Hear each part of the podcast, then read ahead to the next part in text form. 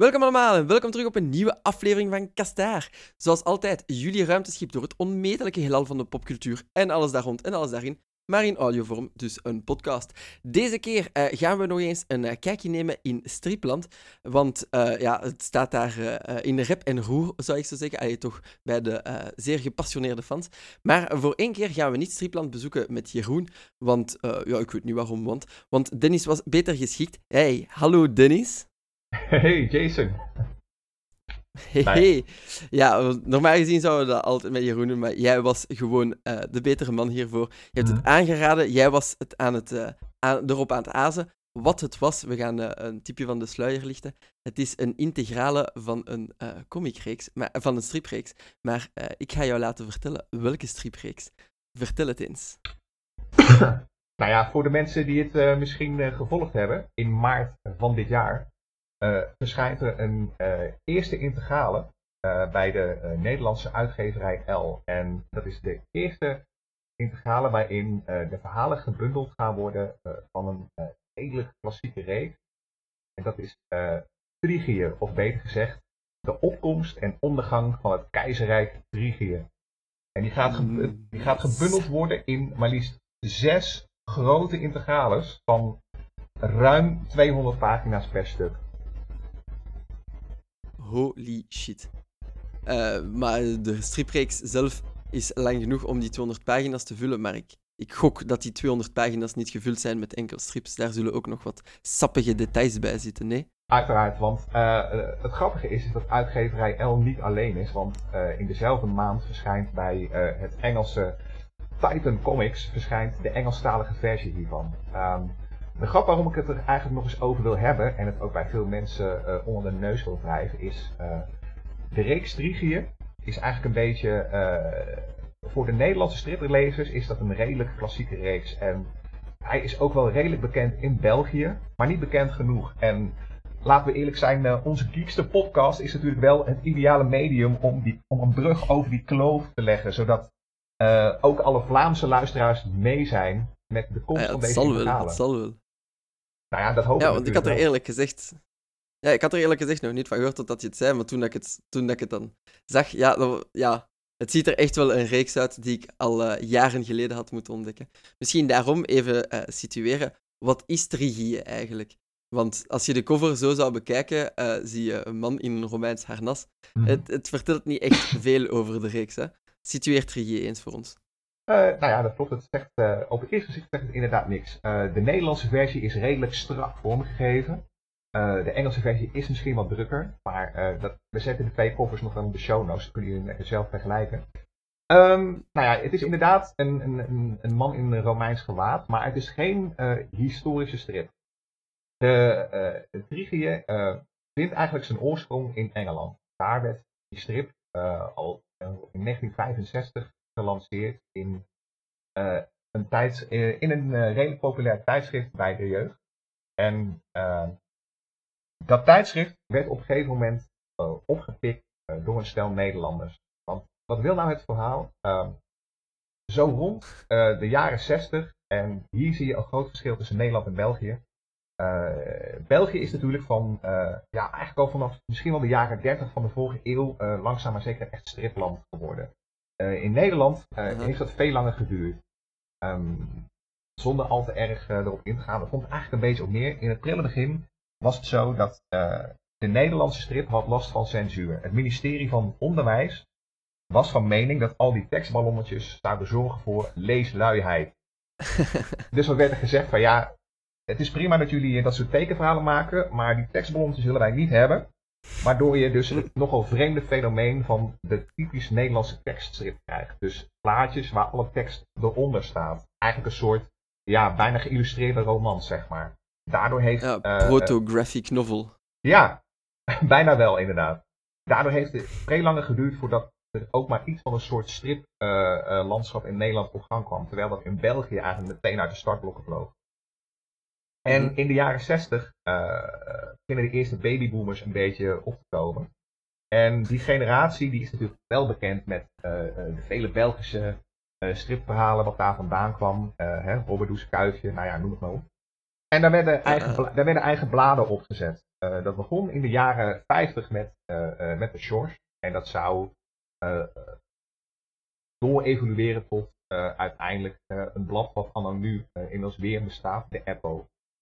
En de, reden waarom dus, de reden waarom dus Nederlanders ook in, in, in Engeland uitkomen. Nederland is eigenlijk altijd heel sterk gefixeerd geweest op de grote buur in het westen. Wat België heeft met Frankrijk, dat heeft Nederland heel erg met Engeland. En um, vandaar ook dat van, ouds, van oudsher werden er heel veel Engelse reeksen naar Nederland gehaald en in het Nederlands vertaald. Uh, Billy Turf, mm -hmm. nou ja, Archie, de man van staal, ja, noem het maar op.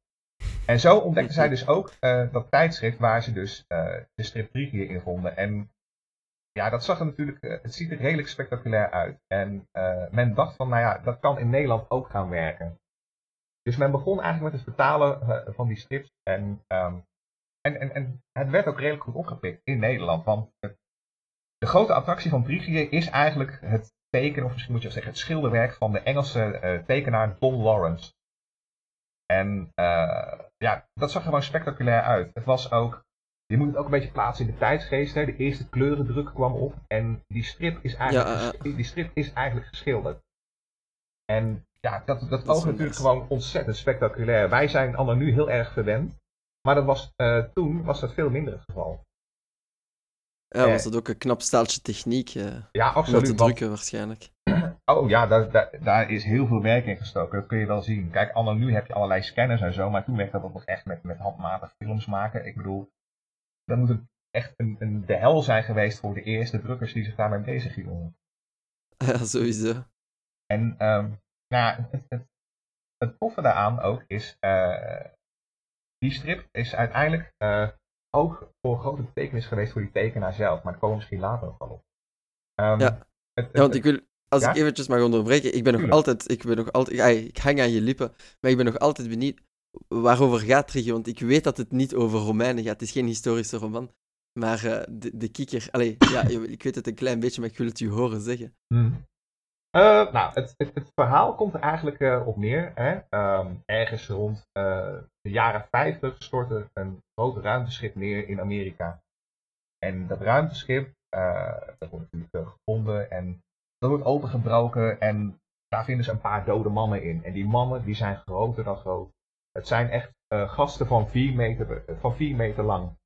Dus het is, het ze lijken op mensen, maar vergeleken met ons simpele aardige het zijn gewoon reuzen. De techniek is, uh, ja, het, het, loopt een aantal generaties voor op die van ons. En in de, begin, in de beginperiode uh, is er natuurlijk wel een enorme ophef van, oh mijn god, we zijn niet alleen, buitenaardse wezens uh, hebben ons gevonden. Maar het probleem is, de, ja precies, niemand komt ze ophalen. En het enige, de enige aanwijzing die ze hebben zijn een stapel boeken die in dat schip worden gevonden. En er is een wetenschapper die houdt zich daarmee bezig om dat te vertalen. Nou, na jaren ploeteren, na jaren ploeteren vindt hij de sleutel waarmee eindelijk die boeken vertaald kunnen worden, zodat mensen hè, weten van wie waren die gasten die op onze planeet zijn neergestort. En in die boeken is opgetekend uh, de chronieken van de opkomst en de ondergang van het keizerrijk Trigië. En die boeken, dat is dan ook een beetje het concept, dat, dat, de verhalen in die boeken die worden dus verstript. Nice. En, uh, ja, echt een antologie van de ondergang. Ja, Precies. Nou ja, allebei. Ik geloof ook, uh, spoiler alert, ik geloof niet dat uh, het keizerrijk, dat het Oerse gekomen is dat we nog de ondergang hebben meegekregen, maar dat is een ander verhaal.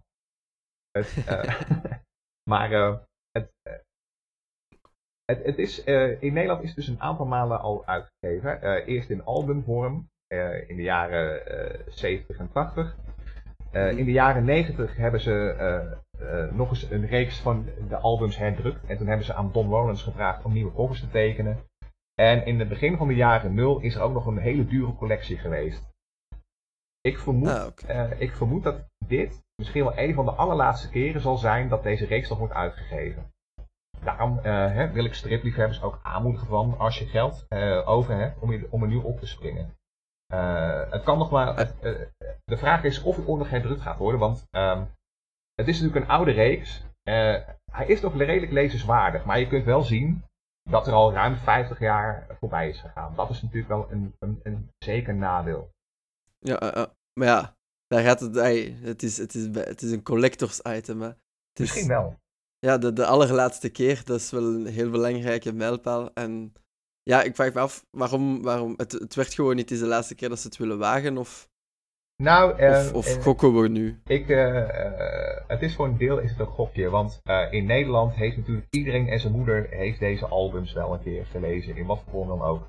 Eh, nu Ja. is het de laatste jaren is er wel een bepaalde hype rondom de integraal, dus dit gaat absoluut wel verkopen, maar in Nederland zijn de meeste lezers wel voor, voorzien. En, eh, Ja, eh, eh. eh, en wat ik al zeg, het is gewoon een hele oude reeks. En eh, ik, ik, het zou mij oprecht verbazen, want het publiek voor die reeks, hè, dat, is ook, dat zijn eigenlijk ook de mensen die dat in de jaren 60 en 70 gelezen hebben. Daar zitten de meeste lezers. En dat zijn wel een beetje de lezers die nu op een bepaalde leeftijd zijn. En die zullen nu misschien nog wel geneigd zijn om een jeugd te kopen, terug te kopen, hè, in prachtige, prachtige bundels die tijd eh, eh, kunnen doorstaan. Maar eh, het publiek wat daarna komt, hè, mensen in de jaren 70, 80, 90, die zullen misschien wat meer moeite mee hebben. Ja. Nochtans, ja, het concept lijkt mij echt wel, echt wel super aangenaam om te lezen. Gewoon omdat het zo, ja, sci-fi en retrofuturisme is bijna een reeks uit de jaren 60 die de toekomst Ja. een beetje zo sci-fi probeert te doen. Dat is altijd leuk om te zien. Nou ja, precies. Want ehm, het, eh, in het eerste verhaal, eh, dat is misschien ook wel de ideale introductie. Dat is een eh, lang album. En daarin wordt uh, Trigië dus ook een beetje van de grond af aan opgebouwd. Hè? Het speelt zich af op de planeet Electron. En op die planeet bevinden zich een aantal landen of zogenaamde rijken. En eh, Mhm. het begint natuurlijk eh, met een soort van nomadenstam. Ehm en en, en die stam, daar, ze- die wordt geleid door drie broers. En zij hebben een beetje een probleem, want een van die rijken, ja, dat is een redelijk eh, geavanceerd rijk. En eh, die willen eigenlijk die hele planeet onderwerpen. Dus die vallen ook eh, de landen aan waar die stammen verblijven. En die strijd is een beetje ongelijk. Maar. Want die hebben laserwapens of zo. Of... ja, zo kun je het inderdaad wel zien. Ja. de, de nomaden zijn natuurlijk verre van achterlijk, maar die hebben meer. hè, die hebben paarden en zwaarden. En dat rijke komt aan met, inderdaad, zoals je al zegt, laserwapens, ruimteschepen, dat werkt. Ja, en eh, door, door slim handelen van een van die drie broers, dat is Trigo, eh, weten ze uiteindelijk wel dat rijk te overwinnen. En eh, daarmee manifesteert hij zich als zeg maar een groot leider die in staat is om grote groepen mensen bijeen te brengen. Iemand die rechtvaardig is, een held, et cetera. En Mhm. dat eerste verhaal zet dus eigenlijk ook een beetje hè, de opkomst van het keizerrijk in gang. en eh, wat je daarna krijgt zijn gewoon kleine But it verhalen. sound downhill from there. Nee, nee, nee, nee. Je, je, je, je, je Ah. maakt heel veel. Je, je hoopt echt op de ondergang. Hè? Dat is toch wel een patroon wat ik bij jou terugzie. Ja, nee, nee. Alles moet naar de kloten. Nee, nee. Just kidding, just kidding. het, het, het, het, eh, Ja. dat, het is echt het prille begin. En zo volg jij eigenlijk eh, de opbouw van het keizerrijk door allemaal van die hele korte, door redelijk korte verhalen. Die eh, allemaal ook gebouwd zijn natuurlijk rond een spannend avontuur. Wat in een x aantal pagina's moet worden opgelost. Waarna dat eh, keizerrijk weer bepaalde vorderingen maakt. En Ja. eh, eh, zo wordt dat grote keizerrijk opgebouwd. Ehm, nou, op zich sloeg dat dus heel erg aan. En die verhalen zijn ook nog best aardig. Maar ja, het is wat jij net al heel mooi zegt. Je kunt merken dat ze gewoon gemaakt zijn in, die, in de jaren 60. Dus ja, er zit wat stof op. Nou, is dat geen grote ramp hoor. Want het, het is best leuk. Maar als lezer moet je wel bereid zijn om eh, bepaalde veronderstellingen eventjes eh, aan de kant te leggen. Je moet doorhebben waar het vandaan komt. Dat het uit een andere tijd komt. Het is een beetje het verschil als jij nu kijkt naar de eerste Star Trek. Hè, met eh, Captain Kirk en Spock, die in de jaren 60 werd gemaakt. Of je kijkt de allernieuwste film die een aantal jaren geleden is verschenen. Ja, dan zie, je, ook, dan zie je ook dat verschil. Dan heeft het eerst heeft een bepaalde charme. Maar het heeft ook Ja. bepaalde dingen niet. Dat is op zich geen grote ramp, maar je moet er wel rekening mee houden als lezer. Ja, maar ik denk wel dat de striplezer die hier terechtkomt, allee, en, en bij Trigge terechtkomt, Hmm. dat die echt wel weet, dat hij slim genoeg is om daar rekening mee te houden. Ik, ik ga Daar, er wel eh, van daar uit. twijfel ik niet aan. Ja, ik ook. Allee, ik bedoel, ik beland daar niet uit. Het is, het is nu een beetje niche, wij willen het in de kijker zetten omdat het het verdient. Maar eh, de, persoon die daar terechtkomt, die weet beter Juist. dan, juist. eh, dan gewoon zo klakkeloos te reageren. Mhm. Eh, ik wou misschien nog eventjes inzoomen op, want het integraal, maar één deel is niet genoeg. De stripreeks bestaat uit meer dan 100, eh, eh, eh, 100 episodes, om het zo Ja. te zeggen. Allee, of albums. Mhm. Ehm, Maar uh, de, in, de, eerste integraal is al 208 pagina's. Ja. En daar horen uh, tonnen goodies uh, bij, waaronder waarschijnlijk uitgebreide werken van Don Lawrence. Precies. Waarom zijn die zo belangrijk dat die erbij zitten? Ja, het is ook even belangrijk om inderdaad te vermelden. het grote verschil tussen de Nederlandse en de Engelse editie is dat de Nederlandse editie zal dus ook een behoorlijk lijvig deel met achtergrondinformatie bevatten. Um, wat de Engelse en de Nederlandse editie weer wel gemeen hebben, is dat ze allebei, zullen zij dus de, de, uh, de strips bundelen die gemaakt zijn door Don Lawrence. Um, nou, het, het, belangrijkste daarvoor is denk ik wel, zijn tekenstijl sprak gewoon het meeste aan.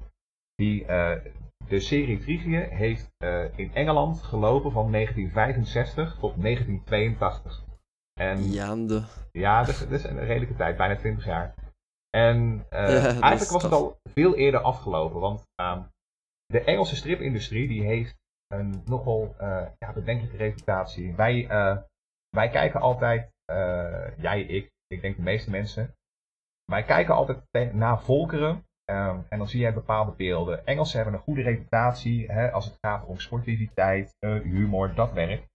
Maar er is ook een wat duister kantje aan. Um, de Engelse stripindustrie die heeft heel lang de hele foute gewoonte gehad om uh, tekenaars optimaal, en ze schrijven ze ook trouwens, om uh, de stripmakers uit te persen.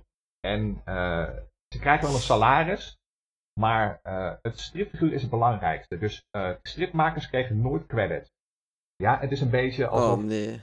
Nou ja, dat. Het is echt alsof je bij wijze van spreken, nou ja, bedenk maar eens even haal je elke willekeurige Belgische reeks voor de, voor de geest. En bedenk maar eens hoe dat zou zijn als je niet zou weten wie die makers waren.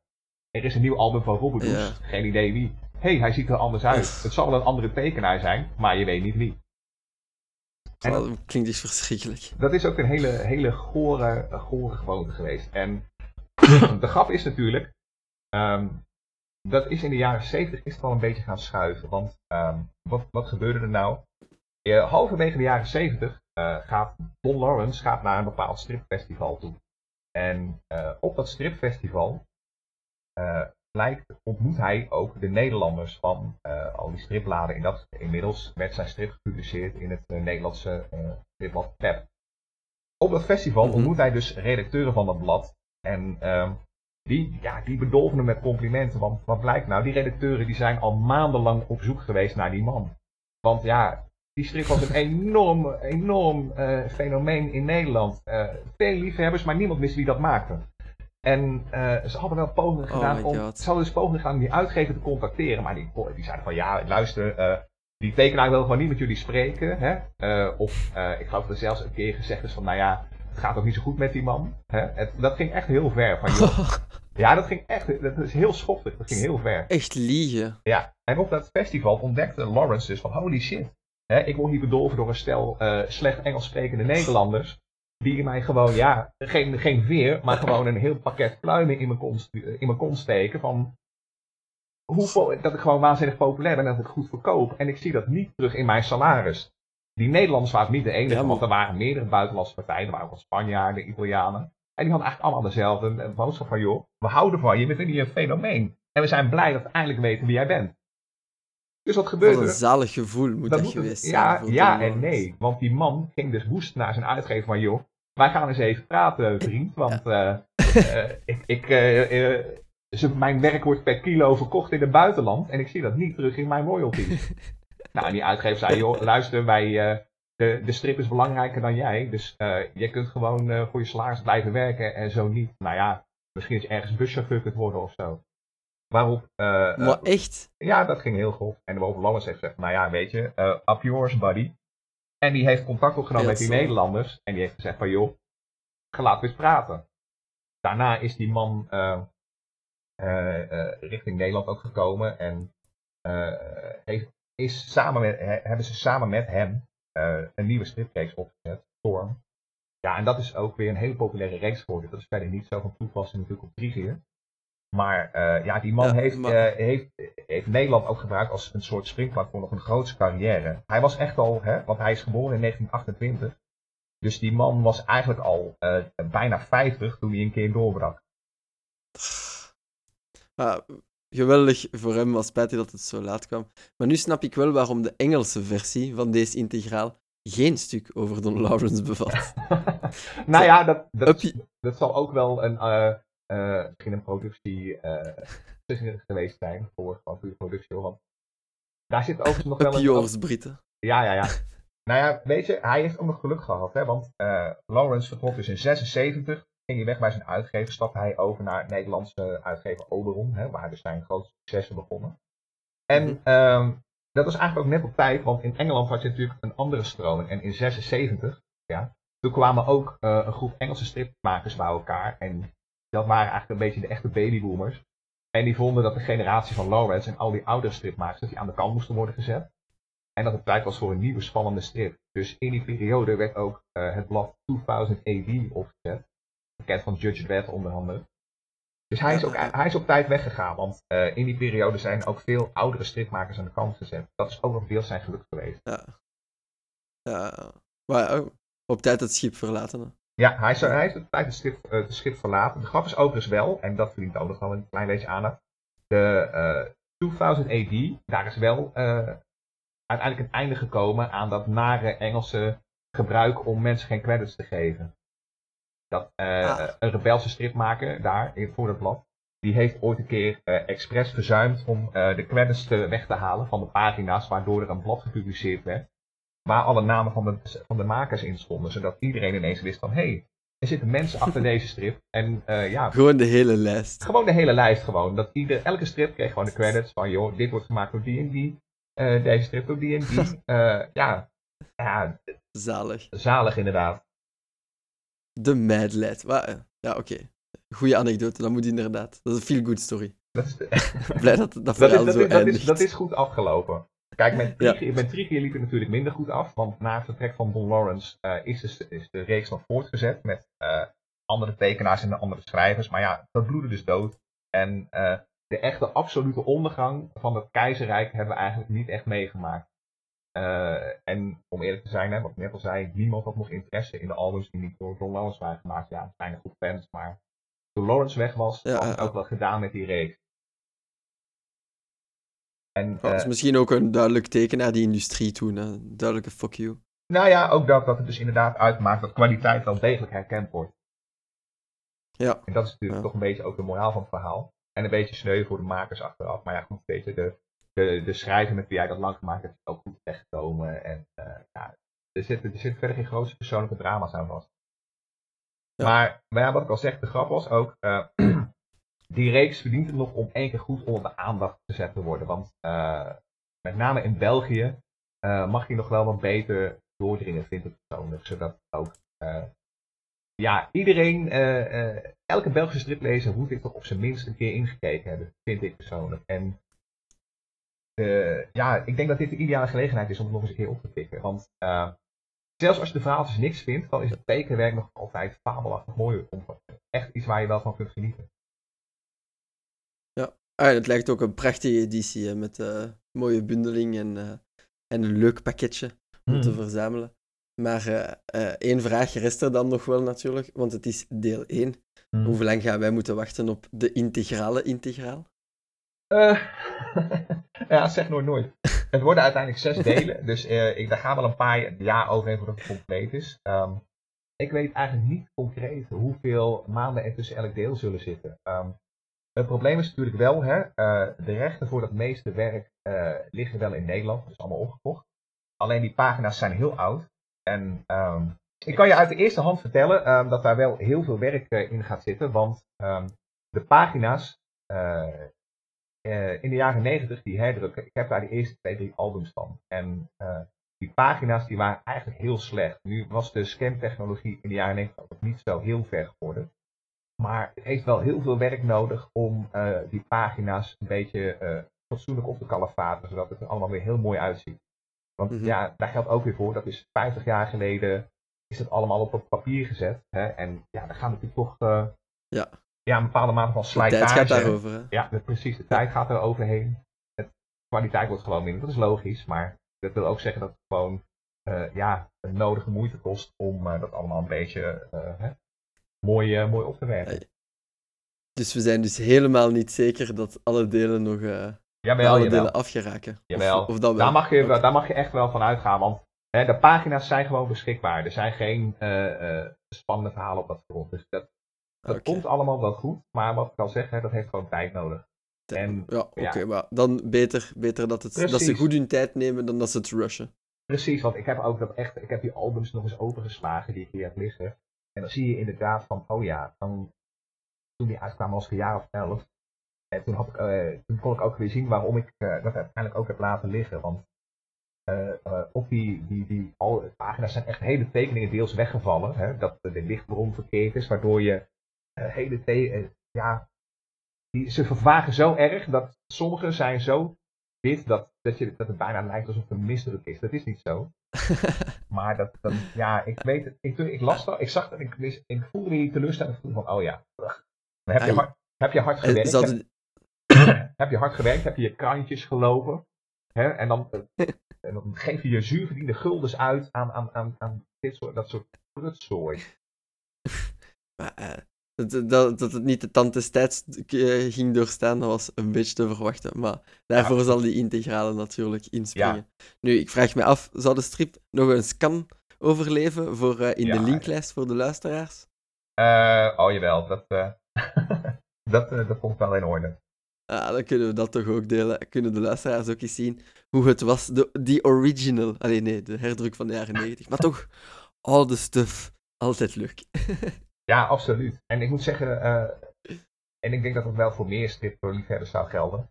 Ik, eh, ik werd wel heel nostalgisch om dit helemaal nog eens eh, weer op te rakelen. Want Don Lawrence was altijd een hele graag geziene gast ook op stripbeurzen in Nederland.